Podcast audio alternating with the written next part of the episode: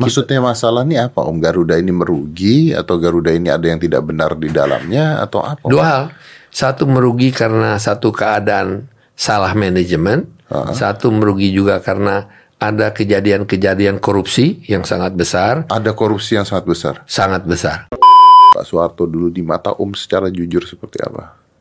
Luar biasa. Luar biasa. Seorang bapak pembangunan, ya, seorang yang eh, betul-betul dapat memimpin satu negara yang sedang berkembang, ya, eh, seorang yang sangat difitnah. Anda tuh harus dipakai oleh pemerintah untuk menyampaikan pesan-pesan yang baik. Nanti kita harus bicara masalah ini. Amin. Om. Karena kita memerlukan orang-orang seperti Dedi. Five, four, three, two, one, close the door. Ini luar biasa banget saya kedatangan Bapak Peter F. Gonta. Aduh Om, saya kalau ngomongin Om pusing deh Om, karena di sini ditulisnya, nah ini you have to notice. Di sini ditulisnya bahwa Bapak Peter ini membuat program berita seputar Jakarta di ECTI, terus ada seputar Indonesia, mendirikan Innovation First Media, Plaza Indonesia, SCTV, Mulia Group, pemilik konsep festival musik terbesar Indonesia pertama, eh dipilih Menjadi dubes RI di Polandia selama empat setengah tahun, dekat dengan keluarga Cendana, macem-macem banget sampai sekarang juga Bapak ada di City, CT Corp. Hairul Tanjung Corporation. Jadi, Ya. jadi sebenarnya Om itu apa sih? Saya sering sekali masuk dalam atau merupakan korban daripada kesalahan teknis saja. ya saya seorang profesional. Ya dalam arti kata saya ini mulai dari Citibank, kemudian di Amex. Eh, pada umur 32 tahun saya sudah eh, terus terang aja kalau boleh saya ceritakan, saya umur 32 tahun sudah membawahi 14 negara. 14 negara. 14 negara mulai dari Jepang sampai ke Selandia Baru, Australia juga eh, dan membawahi operasi daripada eh, American Express itu. Dan pada umur 32 tahun ya eh, saya akhirnya kembali ke Jakarta 34 tahun kembali ke Jakarta dan bertemu dengan eh, Bambang Triatmojo anaknya Pak Harto dan ya beliau meng-hire saya dan saya mulai kemba- be- mulai bekerja di Jakarta waktu itu. Maksudnya gimana caranya Om? Om kan kalau nggak salah saya baca katanya awalnya dari klasi kapal, ngebersihin kapal, and then you becomes very successful. That's kind of impossible if you think Pak. Begini, eh, menurut saya itu cuman itu hanya suratan aja menurut saya. Saya berangkat ke saya berangkat ke Belanda dikirim oleh ibu saya dengan one way ticket. Itu lagunya One Way Ticket to the Blues. Iya, iya, iya, iya, Dan saya dikirim ke Belanda eh, dengan dengan satu eh, tiket satu perjalanan hanya satu jalan dengan visa turis dan uang 350 dolar. Eh, pada saat itu ya 350 dolar cukup banyak dan saya dikirim ke situ di harus survive. Kenapa kalau umpama saya tinggal di Jakarta mungkin jadi masalah saya. jadi dikirimlah jauh-jauh saya. Oh, dikeluarin. Di, dikirim jauh-jauh. Ya, ya. Agar supaya em, mungkin mencari kehidupan dan lebih lebih tertib ya di situ. Ya, tapi how can you be successful? Begini, menurut tema saya di mana ada kemauan di situ ada jalan. Eh, dan buat saya eh, apa namanya ausdauer kita atau apa namanya ke- keinginan kita untuk maju eh, itu sesuatu yang eh, mungkin merupakan salah, satu aset saya. Terus terang aja saya dulu sekolah di Canisius. Oke, ah, ya cowok semua tuh, Om, ya? Itu cowok sekolah semua. cowok semua tuh. Iya. Dan di Canisius pun saya dikeluarin. Gara-gara gara-gara eh, agak terlalu nakal mungkin terlalu nakal Eh, satu hari ada seorang pastor itu eh, sedang baca buku kemudian dia membaca buku kemudian dikerumuni oleh banyak anak tapi saya agak sebel sama pastor ini saya jitak kepalanya kepalanya kepalanya kan dia lihat di mana orang itu kepalanya pastor. pastor saya jitak. Tapi nggak dia tanya siapa yang jitak? Kan banyak ada kira-kira 10-15 orang di belakangnya. Nggak ada yang mengaku dan nggak ada yang berani katakan bahwa itu saya. Tapi ada satu orang yang mengkhianati. Dia kasih tahu itu saya. dan akhirnya saya dikeluarkan dari Canisius pada waktu SMA kelas 2. Ya, gimana sih? Kenapa kenapa iseng banget kepala pastor Om Jitak itu kan iseng banget. Itu ya kita pada saat itu umur saya tuh lagi tanggung-tanggungnya dan memang lagi mungkin nakal-nakalnya ya dan iseng aja gitu. Karena pastor ini suka menghukum saya.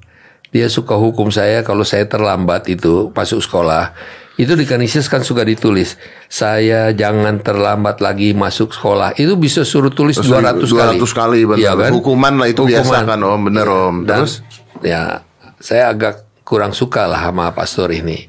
Kenapa dia suka cari masalah sama saya? Akhirnya saya iseng aja jitak saya pikir kan bukannya apa-apa nakal aja. Dan ketahuan. Tidak ketahuan ada yang Ada yang laporin. ada yang lapor, ada yang mengkhianati saya, teman juga sih. Dikeluarkan lah. akhirnya saya dikeluarkan dari sekolah. Tapi di situ saya belajar disiplin. Ya harus masuk jam 7, jam 7. Kita janjian jam 11, kita paling nggak jam 11 kurang 10 sudah harus ada di tempat. Eh, dan disiplin itu menurut saya di dalam hidup merupakan satu aset. Ya, kalau kita disiplin, kita melaksanakan tugas kita bukan hanya dengan baik, tapi lebih daripada apa yang diharapkan. Jadi satu satu pedoman saya adalah apabila kita mendapatkan tugas, lakukanlah lebih daripada apa yang diharapkan.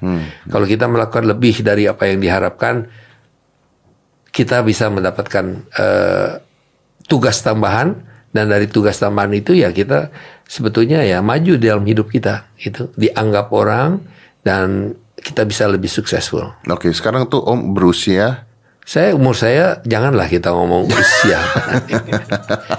ya saya umur saya umur ah Dedi ini kenapa ngomong usia?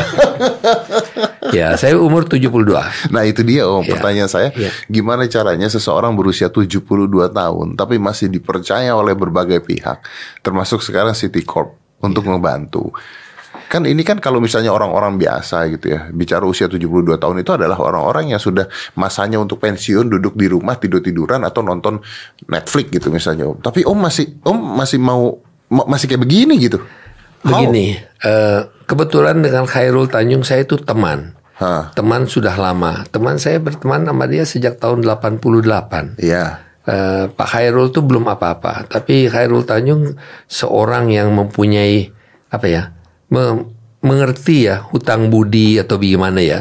Ya jadi waktu itu saya sempat berteman dengan dia meskipun dia bukan siapa-siapa dan pertemanan itu berjalan terus gitu. Dan eh, pada waktu saya dia meminta saya untuk membantu beliau, beliau saya katakan, Rul, saya ini kan udah umur nggak apa-apalah, udah umur kan pengalaman lo banyak. Jadi sebetulnya kalau mau dikatakan eh, saya masih bekerja, ya saya eh, bekerja tapi lebih banyak memberikan masukan, advice kepada perusahaan-perusahaan. Kan anak-anak yang muda, yang milenial itu canggih sekarang. Tapi Eh, mereka canggih tapi bukan berarti mereka tidak memerlukan bimbingan ya jadi saya sedikit memberikan bimbingan kepada mereka memberikan kepada mereka masukan pengalaman saya sehingga itu bisa menjadi eh, eh, eh, mungkin sebagai added value dalam pengalaman dalam Jadi Om memberikan pengalaman Bantuan sebagai pengalaman bantuan dalam pengalaman dan sebagainya Oke, ya. tapi yang menarik adalah Om sampai sekarang menjadi komisaris Garuda saat ini. Nah, itu iya luar biasa kan? Komisaris Garuda loh. iya eh, sebuah perusahaan yang perlu dibenahi itu Perlu juga dibenahi menurut Om. Iya, karena itu sebuah perusahaan yang di mana City Corp ya Pak Khairul Tanjung mempunyai saham yang cukup besar Di Garuda. di Garuda. Dan tentunya eh, saya berada di situ juga atas permintaan dari Khairul Tanjung Sebagai komisaris. sebagai komisaris. Saya dulu komisaris tahun 2011 sampai tahun 2014. Kemudian saya diminta oleh Pak oleh ditempatkan di satu tempat di luar Jakarta. Kemudian pada waktu saya kembali tahun 2019 akhirnya saya diminta untuk jadi komisaris lagi untuk eh, menja atau bagaimana ya eh, sebagai eh, eh, representasi representatif daripada Khairul Tanjung yang mempunyai saham cukup besar di mana Garuda mempunyai banyak masalah masalah finansial masalah operasional masalah-masalah yang berhubungan dengan eh, pegawai. Pegawainya Garuda kan sangat banyak ya termasuk anak perusahaannya. Jadi di situ eh, Maksudnya masalah ini apa Om? Garuda ini merugi atau Garuda ini ada yang tidak benar di dalamnya atau apa? Dua hal. Satu merugi karena satu keadaan salah manajemen. Satu merugi juga karena ada kejadian-kejadian korupsi yang sangat besar, Ada korupsi yang sangat besar. sangat besar. Ya.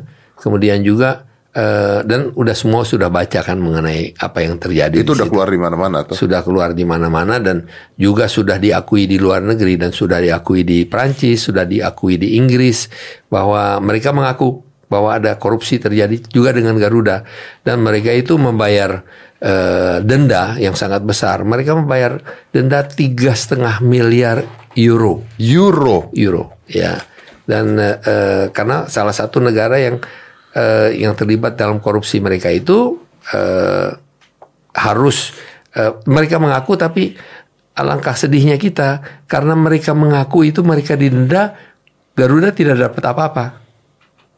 Gitu. Jadi sekarang kita mencoba untuk eh, melakukan tindakan hukum ya menuntut eh, litigasi terhadap perusahaan-perusahaan di luar negeri itu yang dulu menyogok eh, Garuda. Jadi banyak banyak. Eh, di samping itu juga ada eh, membeli pesawat yang salah tipenya, ya. Ah, membeli pesawat yang salah tipenya. Membeli pesawat yang salah tipenya disebabkan oleh karena orang yang menjual pesawat itu melakukan tindakan-tindakan untuk mempengaruhi pembelian pesawat mereka itu. Oke. Gitu. Jadi ini banyak hal yang terjadi. Tapi saya rasa Garuda kita nggak usah omongin di sini masih perlu dibenahin banyak, Bung Deddy. Masih perlu dibenahin banyak. ya. ya. Tadi itu menarik banget waktu saya ada di luar. Om itu mengatakan bahwa eh, Pak Harto itu luar biasa. Karena Om kan didekatkan dengan keluarga Cendana katanya Om ya. Oh ya, saya ini kroninya Bambang Triatmojo. Iya. Kroninya? Dan- Ya kroninya, kroninya pasti karena saya lama bekerja buat Bambang Tri. Saya bekerja da- da- untuk Bambang Tri dari tahun 1983 sampai tahun 1994, 11 tahun saya kerja buat beliau eh, di Bimantara Citra. Dan saya banyak eh, eh, melakukan eh, eh, negosiasi, mendirikan perusahaan-perusahaan, antara lain mungkin tahu ya, eh, saya diminta untuk memanage mendirikan RCTI, Iya, ya, iya. eh, Plaza Indonesia, Bahasa Indonesia. kemudian juga eh, SCTV, kemudian juga eh, Indovision, ya, Datacom Asia, kemudian juga eh, banyak perusahaan yang lain. Dan ini semuanya di bawah Om.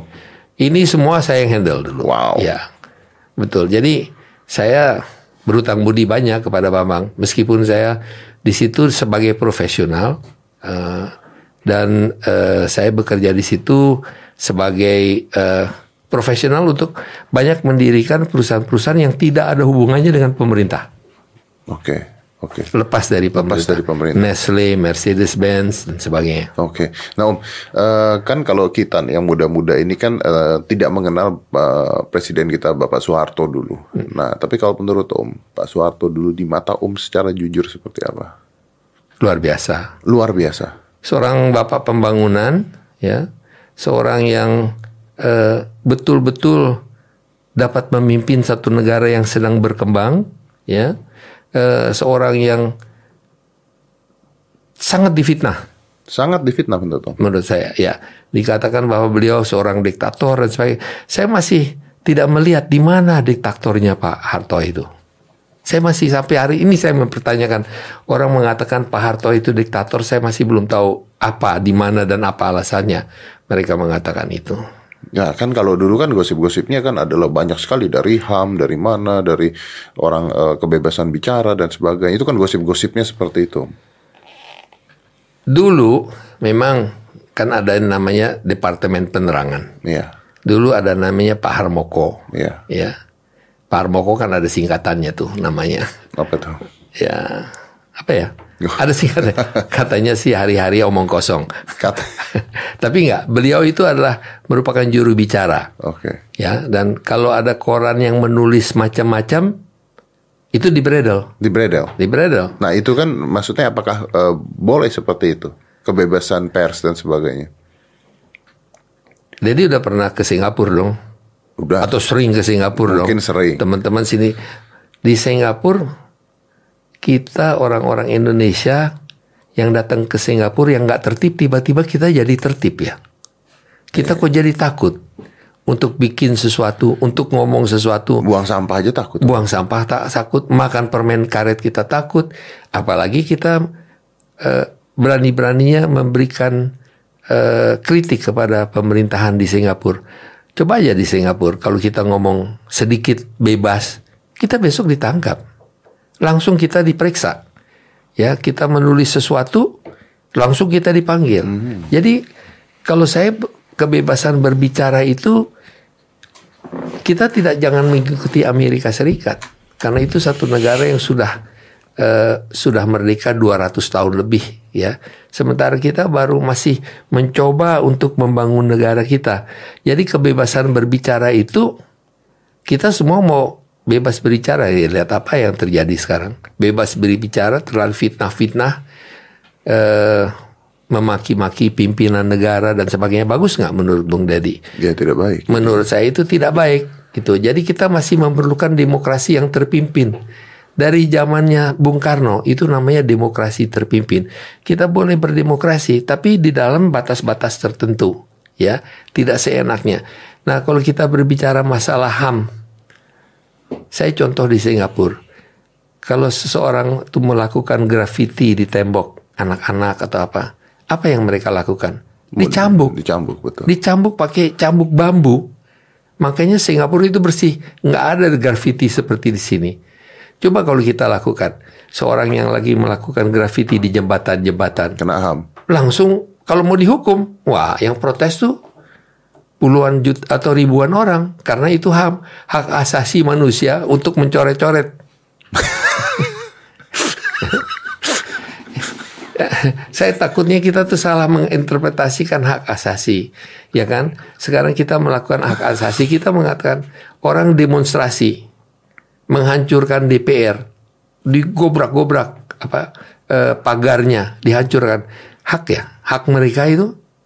Jadi kita nggak ada tertib itu menurut hemat saya dan saya yakin bahwa banyak orang yang sangat pro demokrasi akan mengatakan apa sih orang ini ngomongnya. Tapi saya mengatakan bahwa kita perlu kita perlu uh, satu pemimpin yang bisa tegas, hmm. ya mengatakan dan harus berani. Tapi kita sekarang sudah takut melakukan apa pun juga kita lihat banyak di media sosial ya bahwa polisi aparat kepolisian aparat sudah tidak berani bikin apa-apa lagi kenapa nanti kalau mereka e, menangkap orang diprotes habis -habis. akan diprotes akan dibilang anti ham nah kita di sini bisa begitu tapi begitu kita ke Singapura nggak berani kita ngomong begitu nggak berani kita seenaknya kalau kita ke Amerika melakukan itu, langsung diborgol, Mas Dedi. Langsung dimasukin ke dalam penjara. Polisi di situ betul-betul melakukan tugasnya makanya tertib. Karena manusia itu menurut hemat saya eh, sering kali manusia itu memang sudah dilahirkan untuk melanggar aturan. Hmm. Ya. Nah, kalau pelanggar aturan itu tidak dikontrol, makanya terjadi fiasko. Nah, fiasko itu adalah hanya bisa diluruskan kalau ada hukum dan ada uh, uh, tindakan tegas daripada aparat. Tapi negara. bagaimana caranya ketika zaman uh, Pak Harto uh, sekarang walaupun di truk-truk tuh banyak tulisan enak zamanku tuh gitu ya. Yeah. Karena saya juga mengalami om zamannya yeah. uh, Pak Harto dan kayaknya hmm. zamannya Pak Harto buat saya pribadi dan buat keluarga saya tidak pernah ada masalah makan cukup semua cukup gitu karena kita nggak mengerti juga tentang politik pada saat hmm. itu. Saya juga hmm. masih kecil pada saat itu om. Om ada telepon silakan om. Ada telepon dari siapa nih? Uh. Oke. Okay. Enggak nah, terlalu penting. Enggak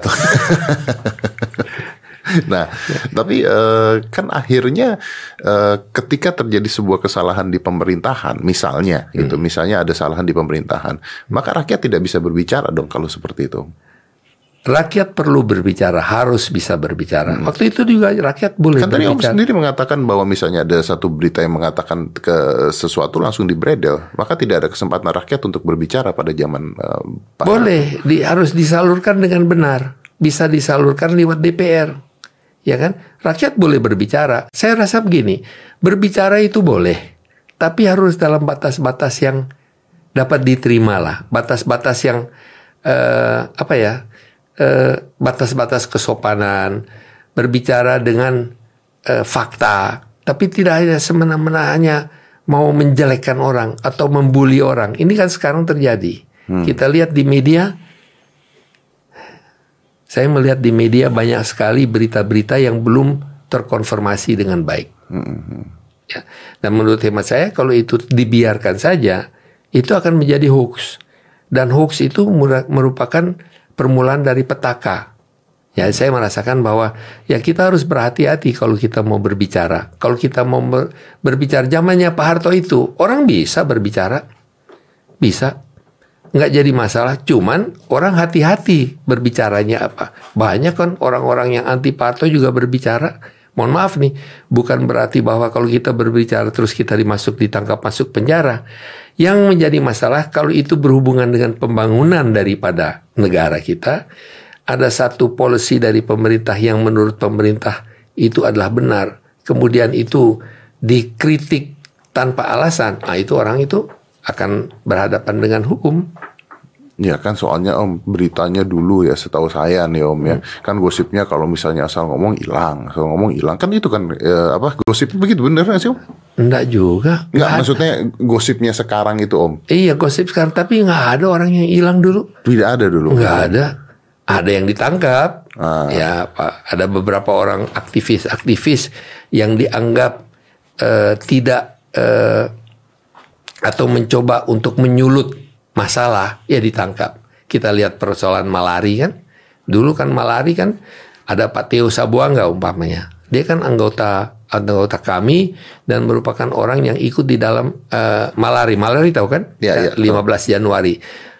Akhirnya dia ditangkap masuk penjara tapi akhirnya jadi menteri di zamannya Pak Harto juga. Gitu. Yang ingin Pak Harto lakukan, janganlah kalau kalian ada sesuatu, berbicaralah secara membangun, jangan demo, jangan membakar. Membakar-bakar mobil, membakar ban, membakar uh, uh, membakar gedung, apakah itu merupakan bagian dari demokrasi? Nah, itu nggak boleh zamannya Pak Harto, nggak bisa. Oke. Okay. Nah kalau memang menurut Om ini adalah sesuatu yang baik dan benar, kenapa pada saat itu sampai akhirnya Pak Harto dijatuhkan? Uh, mungkin udah kelamaan Pak Harto. Udah kelamaan. Terlalu lama. Jadi dia salah satu pemimpin yang ter orang kalau kelamaan jadi bosen kan. Dan kalau sudah bosen dan dilihat pada saat itu ya boleh saya katakan bahwa banyak bisnis-bisnis yang akhirnya jatuh ke keluarganya Pak Harto. Dan itu membuat keirian pada orang lain. Tapi Pak Harto selalu mengatakan, loh anaknya si ini kok boleh, anaknya si ini kok boleh. Pejabat juga, hmm. banyak anak pejabat zaman dulu semuanya bisnis, anak hmm. pejabat.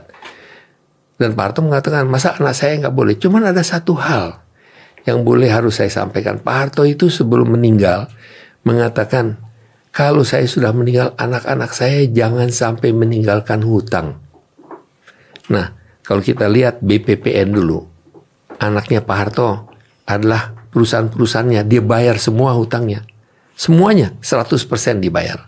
Nah ini menurut hemat saya adalah uh, sifat dari uh, atau satu pesan yang disampaikan yang ditinggalkan pada Pak Harto oleh Pak Harto pada putra putrinya gitu dan bahwa dikatakan Pak Harto mempunyai uang 15 miliar dolar di Austria ya, itu itu kan uh, kalau mana-mana berita tersebut kan Iya itu sudah itu hoax total itu uh, Om tahu dari mana kalau itu hoax total? Eh, saya tahu keluarga itu kok. Saya mengerti tapi bahwa mereka mempunyai banyak yayasan seperti yayasan harapan kita dibuatlah di situ yayasan dimiliki oleh beliau tapi merupakan yayasan uh, uh, uh, rumah sakit ya. Yayasan Harap Kita, Yayasan Rumah Sakit Kanker, kemudian juga Taman Mini Indonesia. Memang itu semua merupakan yayasan. Mungkin itu juga merupakan kesalahan ya daripada pihak Pak Harto. Tapi kita juga melihat bahwa Pak Harto itu banyak sekali mendidik orang pada zamannya. Banyak orang yang mendapatkan beasiswa zamannya Pak Harto dan orang-orang itu sebetulnya menjadi orang-orang pemimpin-pemimpin masa kini. Dengan pendidikan yang baik. Ini saya agak bias nih Terus terang, Pak Harto banyak kesalahan, manusia namanya. Hmm. Tapi Pak Harto tidak sejelek apa yang dipikirkan oleh orang. Itu menurut saya. Banyak kesalahan, tapi tidak seburuk apa yang dipikirkan oleh tidak orang. Tidak seburuk seperti apa yang dikatakan oleh orang, betul. Dan jasa-jasanya banyak. Gitu. Luar biasa jasanya Pak Harto. Pak Harto diakui oleh uh, uh, FAO ya, uh, Lembaga Dunia untuk Makan Pangan ya, dianggap sebagai seorang yang berhasil membuat uh, uh, apa namanya uh, kemandirian di dalam pangan ya eh, kita melihat bahwa industri berkembang zamannya Pak Harto. Kita melihat bahwa banyak orang yang datang ke Indonesia untuk melakukan investasi dibukanya, tapi Pak Harto punya kesalahan. Banyak kesalahannya Pak Harto, bukan berarti bahwa dia lepas dari kesalahan, ya. Tapi Pak Harto tidak seburuk seperti apa yang dikatakan orang-orang lah. Oke, sebenarnya gosip-gosip yang tidak jelas itu tuh datangnya dari mana sih Om? Maksudnya kayak eh, ini kalau nggak salah saya sempat kemarin baca berita tentang eh, aduh saya lupa lagi. Tapi mengungkap tentang misalnya kematian Ibu Tin yang sebenarnya kan ada gosip yang ketembak, ingat nggak Om dulu Om itu Om? Itu tuh datangnya dari mana gosip-gosip seperti itu? Atau Ya, dibuat kan? Dibuat lah. Dibuat. dibuat namanya hoax. Zaman juga yuk, dulu udah banyak hoax. Hoax itu bukan dari zaman sekarang. Hoax itu sudah berada dari dulu sudah ada hoax. Sudah ada hoax ya? Hoax itu merupakan sesuatu yang biasa dilakukan oleh oposisi. Oke. Orang yang tidak suka dengan pemerintahan suka mengeluarkan hoax. Ya itu di Amerika demikian, di Inggris pun demikian. Di mana ada pemerintahan selalu ada Oke, oposisi. kalau Om bicara seperti itu kan Om udah ke mana-mana ya, Om juga duta besar juga gitu ya. Menurut Om sebenarnya negara apa yang saat ini eh, paling baik dalam eh, menjalankan pemerintahannya? Bisa nggak di eh, omongin Om? Jepang, Jepang menurut Om. Kenapa Jepang? Jepang tertib, ya. Oke. Eh, politiknya di situ juga bersih. Tapi bersih-bersih politik banyak juga yang harakiri karena juga terima suap. Jadi kalau kita membicarakan di mana sih sebetulnya politik itu kotor. Di mana-mana politik itu kotor. Mau itu di Amerika, mau itu di Jepang, mau itu di Australia, mau itu di Jerman, mau itu di Eropa, di Inggris. Politik itu kotor. Karena orang yang ingin mendapatkan kekuasaan atau mau mencapai kekuasaan selalu harus bermain kotor. Kalau nggak nggak sampai gitu. Nah kalau saya katakan di mana negara yang paling tertib, ya Singapura salah satu. Tapi apakah di situ ada demokrasi? Menurut saya tidak ada. Menurut Om tidak ada. Tidak ada demokrasi di Singapura. Tapi orangnya diam-diam aja tuh ya. Kok tidak ada protes, tidak ada ribut, tidak ada apa? Perutnya kenyang. Perutnya kenyang. Kalau di Indonesia harusnya hukumnya baik, ya hukumnya keras, asalkan orang tenang dia nggak ribut. Di sini hukum tidak ada, korupsinya luar biasa. Kita kan merupakan salah satu negara yang korupsinya tertinggi di dunia, salah satu negara yang tertinggi di dunia. Nah makanya saya kenapa bisa bicara dan berani bicara begini, Bung Dedi. Satu hal saya dari zamannya Soekarno, ya, Bung Karno, Soeharto, Pak Habibie, Gus Dur, Ibu Mega, SBY, Pak Jokowi, saya ini masih ada terus gitu. Kok berani ngomong yang saya katakan? Saya lupa nyuri. Betul, saya kan saya lupa nyuri selama ini. Orang mengatakan saya kru, saya kroninya Bambang, jelas. Saya kroninya dari Cendana, jelas. Tapi saya nggak ikut menyuri, mencuri gitu. Saya dibayar dengan baik. Saya jadi kacung orang lah. Saya jadi kacung dari pengusaha. Tapi saya mengatakan saya boleh jadi kacung, nggak apa-apa. Tapi tolong bayar saya yang baik. Kalau bayarannya baik, saya jadi kacung pun nggak jadi masalah. Yang penting bayarannya gede Yang gitu. penting bayaran dan kalau perlu ya dapat saham lah. Oh, bagi-bagi lah. Bagi-bagi lah gitu ya. Nah itu itu aja merupakan prinsip saya. Tapi saya terus terang aja nggak menyesal bahwa saya tidak mencuri. Kalau nggak saya nggak bisa bicara begini dengan Bung Deddy. Dan saya mengatakan saya kan nggak ada masa depan lagi. Umur saya udah 70. Ya, masa depan saya hari ini gitu. Saya tidak mencari apa-apa lagi. Jadi saya berani berbicara secara terbuka. Ya, ya, ya, ya. Karena Om bersih maksudnya.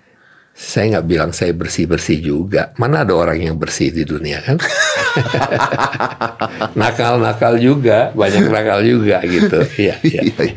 bener juga Om ya. Nah, kalau Om melihat bahwa Singapura itu eh, nyaman dan sebagainya, sekarang semua satu dunia Om mau telepon minum? Mau minum boleh? Iya, silakan Om, silakan. Itu diedit kan tadi? Yang mana Om? Diedit kan? Ini kalau lagi minum. Oh, nggak apa-apa Om, minum nggak dibuang ya nggak apa-apa kok. Oke. nah Om, eh, eh, COVID nih Om. Artinya kan banyak yang rusak Om. Garuda pasti kena. Ini saya masih nggak ngerti nih Om. Kayak Garuda tuh gimana mau survive nanti ketika COVID-19 ada, duduk harus dipisah-pisah. Artinya kan penumpang jadi tambah sedikit. How how how can you make this survive? nggak bisa, susah. Nah, lu. Tapi Kenapa jawabnya gak? ya, harus kita harus usaha. Kalau kita usaha pasti bisa, ya. Harus ada tindakan. Tapi ya, Thai International udah declare bankruptcy. Eh, Virgin, eh, Virgin Air sudah declare bank- bankruptcy. iya. British Airways sudah menyatakan bahwa berapa puluh ribu orang dirumahkan. Japan Airlines sudah dua kali bankrupt. Japan Airlines. Malaysia Airlines sudah tiga kali bangkrut. Dihidupkan lagi, bangkrut lagi, dihidupkan lagi, bangkrut lagi. Nah, yang jadi masalah, kita melihat sekarang umpama seperti Etihad atau Emirat atau Qatar. Itu kan hidupnya kenapa? Karena semua negara yang bantu, disubsidi oleh negara. Artinya kalaupun Garuda bisa hidup karena bantuan dari negara nanti. Gini, sebetulnya kita lihat American Airlines, Ah. kita lihat United Airlines, itu semua perusahaan tuh sudah diambang kebangkrutan semua. Ya semua om. Iya, jadi kalau kita mau ngomong Garuda ya nggak masalah lagi ya, nggak usah, nggak usah diomongin aja. Orang bareng-bareng ya semuanya juga. ya. rame-rame, gitu. Rame-rame gitu. Iya kan rame-rame kita masalah, nah rame-rame kita harus mencoba jalan keluar. Cuman Indonesia masih beruntung. Kenapa gitu? ada empat negara di dunia yang sebetulnya airline-nya tuh bisa diatasi. Ya, satu Amerika. Kenapa? Penerbangan domestiknya tuh luar biasa besarnya. China, penerbangan domestiknya luar Oh, biasa. Karena domestiknya. India dan Indonesia. Indonesia terutama. Kenapa? Kalau di India orang mau dari Bombay ke New Delhi atau dari Madras mau ke New Delhi bisa pakai mobil. Hmm, Kalau Indonesia mau dari Jakarta ke Makassar naik apa? Gugus pulau soalnya jadi dia laut dan Ha- sebagainya. iya dan laut. Dan kalau mau ke Manado bagaimana caranya? Dari Medan mau ke Bali bagaimana caranya? Kan mesti bisa naik mobil tapi kan perjalanannya panjang. Iya. mesti ada ferry mesti ada infrastruktur yang baik. Jadi kita sebetulnya beruntung kalau kita bisa mengkonsentrasikan eh, penerbangan domestik. Ini gini ya Garuda nih Garuda Garuda kalau membatalkan semua penerbangan internasional, nggak usah terbang ke Singapura, nggak usah terbang ke Amsterdam, Indonesia aja nih. Indonesia untung Untung. untung besar. Tapi Garuda oleh karena merupakan flag carrier ya dari Indonesia harus membawa bendera Indonesia untuk terbang ke Amsterdam. Terus terang aja, Yang bikin rugi itu. itu bikin rugi. Itu bikin rugi. Jakarta London ruginya besar sekali. Setiap penerbangan. setiap penerbangan. Itu per tahunnya jutaan dolar ruginya. Tapi pemerintah mengharapkan kenapa? Coba Mas Dedi ya, kalau lagi berada di London, ya, lagi di airport, tiba-tiba melihat Garuda mendarat, bangga? Bangga. ya kan? Tapi bangga tapi rugi, Tapi image. image. Kenapa? Harus jadi kita tuh ingin membawa turis ke Indonesia. Jadi ada masalah. Turisme itu membawa keuntungan yang sangat besar. Garuda disuruh membawa turis sebanyak mungkin dengan harga yang sedikit Keuntungan devisa ketika sudah berada di Indonesia. Tapi penerbangan ke sininya merugikan. rugi. Nah, harusnya ini harus disubsidi oleh pemerintah. Harusnya. Kita melihat Singapura sekarang. Singapore Airlines atau pemerintah Singapura memberikan eh, memberikan membail out Singapore Airlines kan mau bangkrut nih. Di bail out dengan 14 miliar Singapura dolar. 14 miliar Singapura dolar. Itu sama dengan sekitar 11 miliar US dollar. Ya, di bail out. Kenapa Singapura mengetahui tanpa Singapore Airline Singapura mati. Karena industri pariwisata adalah salah satu industri yang terbesar. Kita di Indonesia minta dibantu 400 juta dolar aja dari pemerintah. Nggak bisa. Karena urusannya terlalu besar. Indonesia tuh terlalu besar negaranya. ya Dan banyak kepentingan-kepentingan lain. Jadi da- Garuda disuruh survive aja sendiri. ya Kita lihat pemerintah Thailand membangkrutkan Thai Airline. Membangkrutkan. Membangkrutkan. Nah, tapi Thai Airline itu kan kepemilikannya adalah total pemerintah Thailand. Jadi kalau bangkrut, semua utang-utangnya kan hilang. Pun dibangkrutkan. Nah kalau Garuda dibangkrutkan kan ada pemegang saham publik. Kalau dibangkrutkan, pemegang saham publik uangnya habis dong. Iya. Total. Bisa sampai triliunan. 10 triliun mungkin. Kalau pemegang saham publik mungkin 22 triliun. Pada protes semua tuh. Semua protes. Kalau dibangkrutkan begitu saja. Jadi ini merupakan masalah-masalah yang berbeda ya dari Singapore Airlines. Orang mengatakan, loh kok Singapore Airlines bisa survive? Kok tidak dibangkrutkan?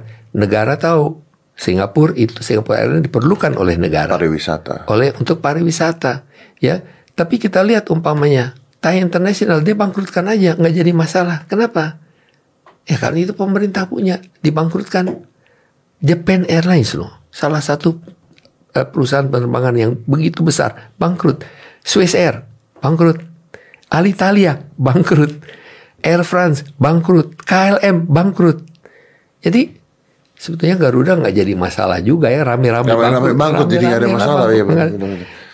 Tapi kita juga sebetulnya seperti saya kita katakan tadi, kalau kita cuma mau terbang domestik aja, Udah untung. udah untung kita. Boleh nggak sih kita menolak terbang keluar? Boleh aja. Tapi pemerintah kan bilang, "Duh, kan flag carrier.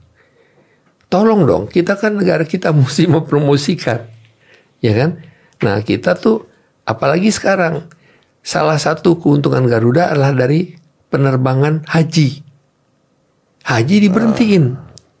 Itu Haji- kalau penerbangan haji menguntungkan. Penerbangan haji menguntungkan. Apa bedanya dengan penerbangan haji dan penerbangan ke negara lain yang eh, tadi Om bilang merugikan? Karena penerbangan haji itu ada fix. Ya, fix sudah di booking berapa banyak Oh. Udah jelas dan uangnya. selalu full Oh iya iya iya. ya. Dan tidak ada penerbangan lain yang terbang dari Jakarta ke Jeddah atau dari Surabaya ke Jeddah atau dari Makassar ke Jeddah Kecuali kecuali Garuda, Garuda. dan Lion Air juga. Iya. Se- Nah, sementara kalau mau terbang dari Jakarta ke London kan banyak.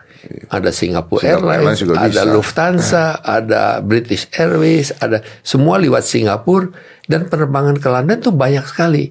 Kalau mungkin lihat aplikasi itu Air Air Traffic itu yang kita lihat itu kalau kita lihat penerbangan di dunia itu satu hari ada sekitar 55 ribu penerbangan per hari di seluruh dunia.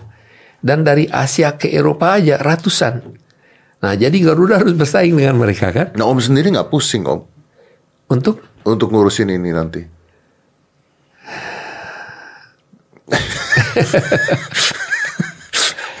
ya pusing juga kita. Kita semua pusing. Covid itu memusingkan kita, memusingkan Bung Deddy juga kayaknya. Tapi ini, jadi kira-kira dasar daripada pemikirannya itu Iya iya saya ngerti sih Om. Tapi dengan adanya COVID-19 ini kan Om, berarti kan semua bisnis ini hancur nih Om. Hampir semua lah, hampir semua. Ada yang naik tiba-tiba. Yang naik mungkin asuransi ya, Asuransi. jiwa, asuransi kesehatan, Eh, terus kayak platform-platform online, online, ya nah, online itu naik. ya, sebetulnya eh, makanan juga naik sebetulnya. Makanan naik ya, restoran yang setengah mati. Tapi order makanan online naik. Iya. Order makan, tapi saya lihat banyak sekali seperti mall ya, itu akan merupakan masalah. Nah itu dia Om kan Ya. eh, nanti mall itu kan masuk katanya dibatasin Om. Mas masuknya dibatasin, ada peraturan-peraturan the new normal. Nah tapi kan eh, rental mallnya nggak dikurangin Om. Itu sekarang gini, kalau nggak pasti yang banyak yang tutup kan? Pasti banyak yang tutup. Kalau banyak begitu. yang tutup, kan mesti ada yang dudukin. Ada yang mesti ambil kan rentalnya. Iya. Pasti harganya akan turun. Kalau demandnya itu menurun, pasti harga akan menurun. Supply-nya terlalu banyak kan. Suplainya tuh. Ya jadi hukum ekonomi aja. Yang Tapi kenapa Om tadi mengatakan mall akan jadi masalah Om? Ya karena investasi orang sudah terlalu banyak gitu dan orang tidak bisa lagi masuk perusahaan-perusahaan itu mall itu bisa kalau tadinya dia per square meter hitungannya katakan 100 dolar, sekarang hitungannya mesti 50 dolar. Dan sehingga apa yang terjadi? Pendirian atau konstruksi daripada mall-mall itu kan dengan uang juga, dengan kredit bank juga. Bisa nggak kembalian uang kredit bank? Kan jadi masalah. Nah, ini eh, jadi eh, snowballing effect daripada COVID ini sangat besar. Ya, saya melihatnya bahwa hmm, apa yang dilakukan oleh pemerintah sekarang sudah benar. Ya, kita cuma ada dua, ada dua. Kalau orang kalau COVID itu eh, PSBB ini tetap dipertahankan, orang kan harus makan, ya kan? Orang harus makan, orang harus kerja. Jadi sekarang apa yang dilakukan? Oke, kita buka longgarkan PSBB, tapi ikutilah the new normal. Ikuti dunia normal. Nah, Semua pakai. masker. Saya kok nggak pakai masker ya hari ini? Kan jauh om. Oh jauh. Jauh menyakit om. Jadi pakai masker, cuci tangan, ya. Eh, ikutilah eh, apa yang disampaikan oleh pemerintah ya dalam hal menjaga agar supaya tidak jadi penyebaran daripada virus ini. Tapi menurut tema saya begini, kita harus berbesar hati selalu. Saya selalu mencoba untuk berpositif thinking. Orang sudah bisa ke bulan. Orang sudah bisa membuat Ke Mars juga. ke Mars, ya, yang waktunya sampai 7-8 tahun baru sampai barang itu kan. Mereka bisa berkomunikasi ke bulan, berkomunikasi dengan satu pesawat yang akan mendarat di Mars. Manusia itu pintar. Kalau kita melihat secara keseluruhan, manusia akan bisa pasti nanti akan menemukan vaksinnya. Kalau vaksin itu sudah ketemu, pasti ini selesai semuanya. Yang jadi pertanyaan kapan vaksin itu akan Nah ketemu? itu kapan Ya. vaksinnya ketemu? Ya, ya kita harus positif. Saya rasa paling tidak ya memakan waktu mungkin 6 sampai 18 bulan, bisa 18 bulan. Tapi manusia itu pintar kok. Ya, tapi kan 6 dan 18 bulan ini mematikan banyak sekali hal, Om. Ya, oleh sebab itu dibuka oleh pemerintah secara bertahap, Hmm. gitu. Tapi kalau buat Om sendiri, untuk seorang Peter F. Gonta, apa yang Om rasakan di COVID ini? Yang pasti acara musik tidak ada lagi. Saya nggak tahu Bung Dedi ya, acara musik sekarang juga tuh ada the new normal lagi. Nah itu gimana caranya, Om? Saya rasa kalau vaksin itu sudah diketemukan dan sudah bisa Kalau vaksinnya ditemukan, nggak sekarang ini gimana? Berarti uh, tidak ada dulu dong. Berarti semuanya. Tidak ada, tapi itu kan urusan anak saya, bukan saya. Ya biar dia aja yang pusing. urusannya Dewi, urusannya Dewi. Tapi kita harapkan bahwa itu, tapi sekarang kan banyak konser-konser online dan itu tentunya tidak tidak seperti yang live ya, di mana semua Saya orang nggak dapat feeling ya, nggak dapat feelingnya, Iya, betul. jujur aja nggak dapat Iya, feeling. nggak dapat nggak dapat feelingnya. Tapi eh, nanti ada perubahan-perubahan. Tapi kita harus yang pasti kita harus menunggu vaksin itu Nah, Om, dapatkan. benar sekali Om. Dan menurut Om nih, barang-barang branded Om, barang-barang branded, barang-barang Hmm. mahal ya, Eh, sosialita-sosialita itu, barang-barang itu mati Om. Iya juga sekarang mereka dong harusnya. pasti. Karena kita lihat begini aja. Saya nggak tahu Bung Deddy lihat eh, video yang di Amerika itu di mana orang tuh bansos makanan, orang mobil ngantri, orang naik Mercy, orang naik SUV yang paling mahal ngantri untuk dapat bansos. Jadi negara-negara yang maju itu pun mereka hidupnya memang eh, dengan kredit ya. Tapi kalau kita lihat secara keseluruhan, mereka pun menderita. Jadi kalau negara-negara maju saja menderita, Apalagi kita gitu. apalagi kita. Ya kan artinya sekarang orang yang punya duit aja, misalnya punya duit nih ya, Hmm. kita nggak bicara orang yang A satu lah, yang duitnya nggak habis-habis gitu ya. Kita bicara orang-orang yang orang Hmm. Menengah, orang menengah ke atas. ke atas gitu, Iya. yang punya duit yang tadinya bisa beli jam tangan Rolex, Hmm. tadinya bisa beli LV, bisa beli Hermes gitu ya. Sekarang kan mikir dia om, Dia. Ini gua nggak tahu ke depannya gimana nih. Jadi Mendingan dia mulai saving. saving. E- either dia invest Iya. atau either dia buat makan, buat sekolah anaknya dan sebagainya. Kan akhirnya ini terkena nih barang-barang branded ini akhirnya terkena sekali. Barang branded itu biasanya orang membeli bukan karena dia punya uang ya. Iya. Tapi karena dia mengharapkan bakal mendapatkan tambahan uang. Jadi kita beli nih hari ini. Supaya Membeli- untung. Enggak, saya beli aja barang ini. Kan bulan depan saya ada untung lagi. Iya. Jadi orang kadang hidup Investasi. orang hidup in the future sudah mengeluarkan uang dulu, uangnya baru belakangan datang. Iya. Orang hidup atas kredit. Contoh aja beli rumah. Rumah banyak beli dengan kredit, Hmm. ya kan? Bank memberikan. Nah, kita harus kasih tahu berapa sih pendapatan kita Hmm. setiap bulannya. Jadi we are living on the future income. Hmm. And Orang is, it, is it wrong? Enggak, itu udah merupakan kebiasaan. Makanya ada bank. Ya oke. Ya. Oke. Nah, itu biasanya adalah orang-orang kelas menengah ke atas. Dan orang-orang kebanyakan beli barang-barang branded itu sebenarnya bukan untuk dirinya sendiri kan om, tapi untuk supaya orang lain lihat kan. Ketika Hmm. orang tidak boleh keluar dari rumah, ketika orang PSBB, dia beli tas Hermes baru mau nunjukin ke siapa om? Enggak juga ya. Kadang-kadang barang sorry nih, kadang-kadang barang yang mahal itu enak pakainya. Coba celana dalam kan ada yang branded juga enak pakainya. Kalau Iya, kita iya. pakai Hings kan kadang-kadang longgar. Tapi kalau ya itu kan nggak kelihatan juga. Tapi pakai sepatu juga kadang-kadang kita nggak tahu mereknya tapi enak Ah, aja. Dan, dan mungkin kesenangan pribadi ya Om. ya? kesenangan pribadi. Kesenangan Kalau pribadi. Louis Vuitton atau Hermes ya itu memang Itu kan sudah, nah itu maksud saya gitu. itu memang orang-orang yang udah kebanyakan duit lah. Iya, Ya. tapi kan tujuannya membeli kan pasti ingin supaya orang lain juga lihat dong Om, bukan ditaruh atau ada orang beli ditaruh di lemari doang dinikmatin. Ada ya? Ah, banyak. Banyak ya Om. ya? Dikumpulin tuh di apa eh, Louis Vuittonnya sama Hermes itu bisa dipajang di rumah Eh, koleksi aja Iya sih banyak sih koleksi. Jadi itu sebetulnya sesuatu yang eh, yang biasa lah. Memang orang itu konsumerisme itu merupakan bagian daripada sifat manusia. Iya betul, tapi tapi sekarang produk-produk itu kena dong pasti Om. Oh semuanya kena. Toko-toko itu kan kena semua. Apakah mereka lebih kena dibandingkan eh, UMKM biasa? Harusnya. Harusnya lebih kena. Harusnya lebih kena. UMKM biasa yang yang kecil-kecil sebetulnya orang sekarang mulai lebih saving. Hmm. Ya, tidak membeli barang-barang yang terlalu branded karena dia nggak tahu masa depan dia bagaimana. Dia nggak tahu pendapatan dia ke depan bagaimana. Orang membeli karena dia tahu, wah saya pendapatan saya bulanan saya adalah segini, jadi saya berani beli. Tapi sekarang orang hati-hati, tidak mau beli barang yang mahal.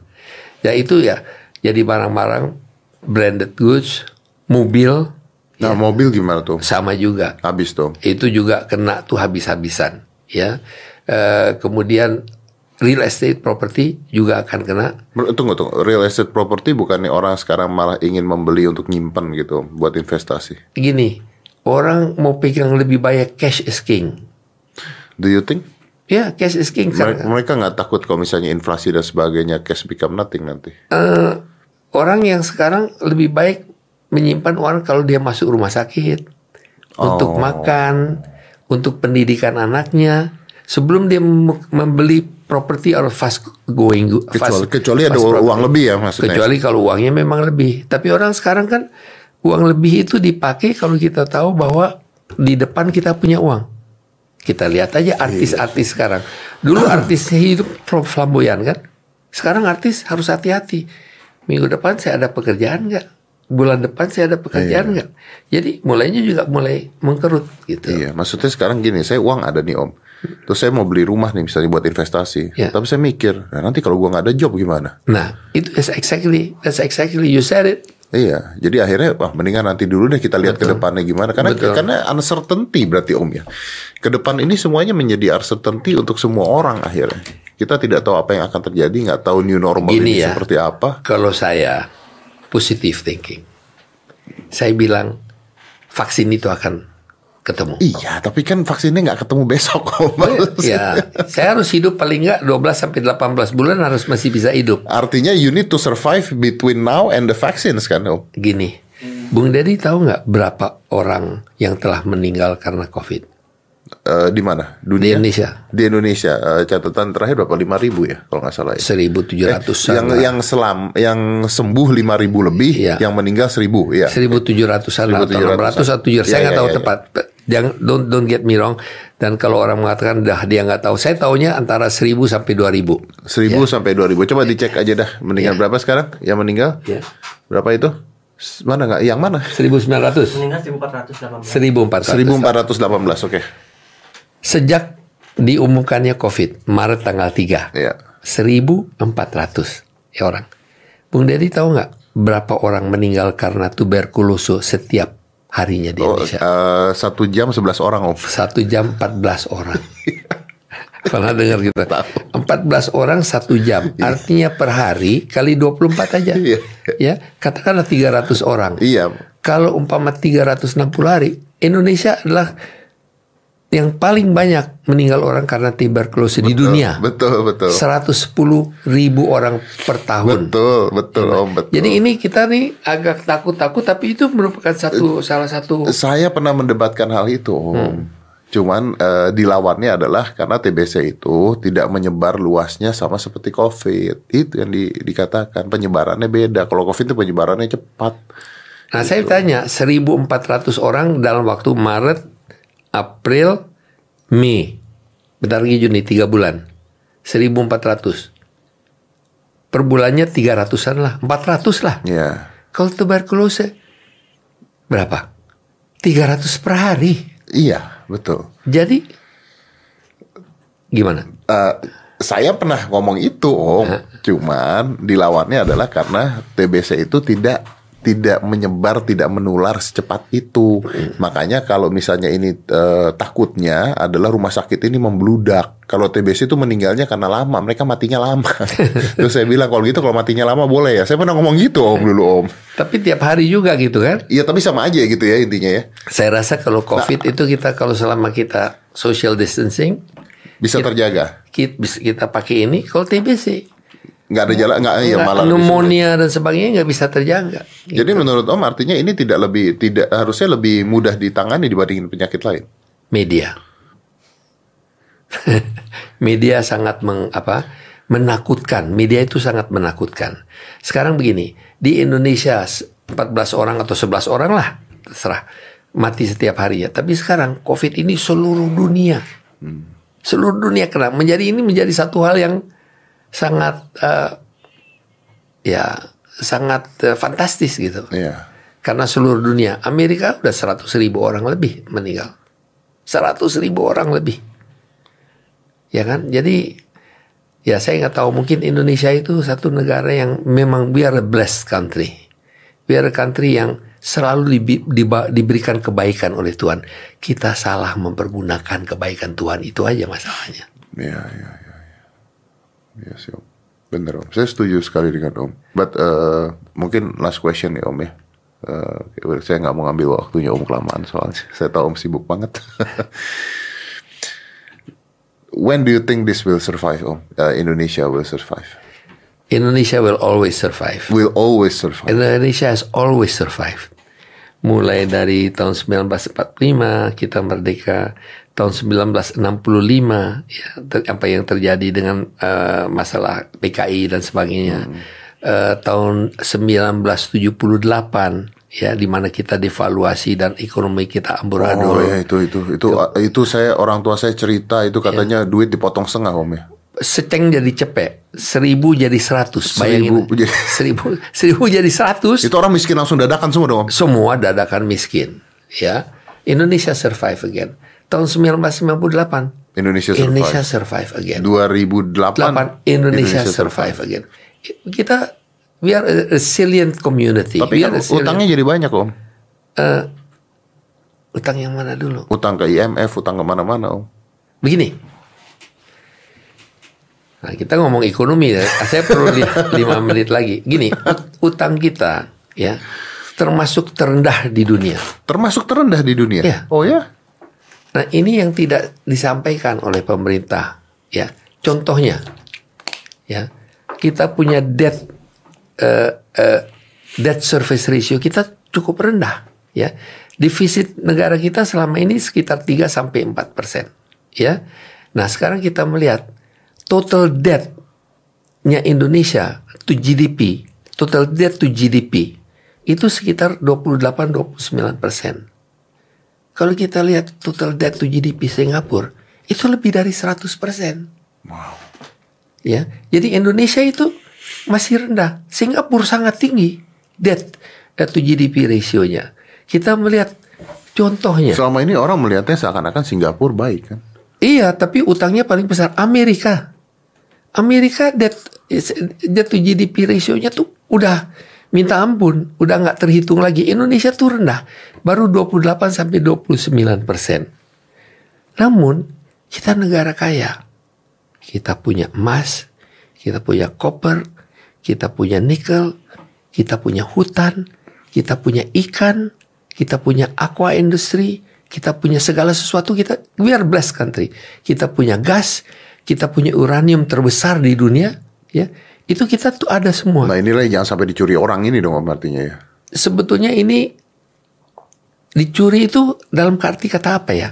Untuk melakukan added value kita harus lakukan investasi kan. Nah ini yang diributkan oleh orang seperti China, Chinese orang Chinese datang kebanyakan di Indonesia. Padahal kalau kita lihat seperti di Morowali, di situ 45 ribu orang Indonesia pribumi mendapat pekerjaan. Ya. 3 ribu orang dari China datang untuk membangun infrastruktur itu karena mereka pengalaman. Kita mau suruh bangun sendiri Nggak bisa. belum tentu bisa. Nah, namun demikian, Jadi meskipun kita punya hutang, kita punya kekayaan alam yang berlimpah dan kekayaan alam kita itu sustainable. Sustainable dalam arti kata seperti ikan, itu kan sustainable.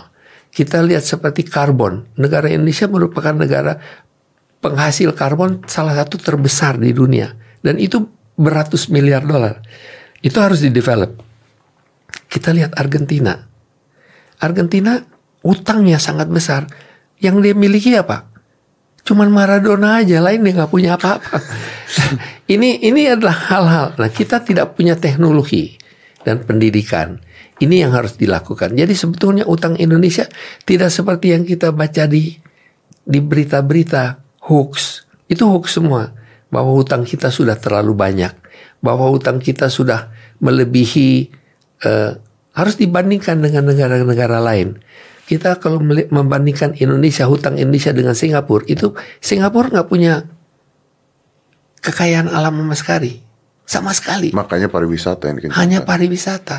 Nah, jadi ini ada hal sebetulnya kita bisa ngomong ngobrol gini tiga jam lagi ya, nih, ya, Bung ya. Dedi. Jadi ini perlu banyak pelurusan-pelurusan. Salah pemerintah sendiri sih, karena pemerintah mempunyai tidak mempunyai uh, apa uh, hubungan masyarakat, informasi yang disampaikan kepada masyarakat itu sangat minim, ya, dan itu harus diperbaiki.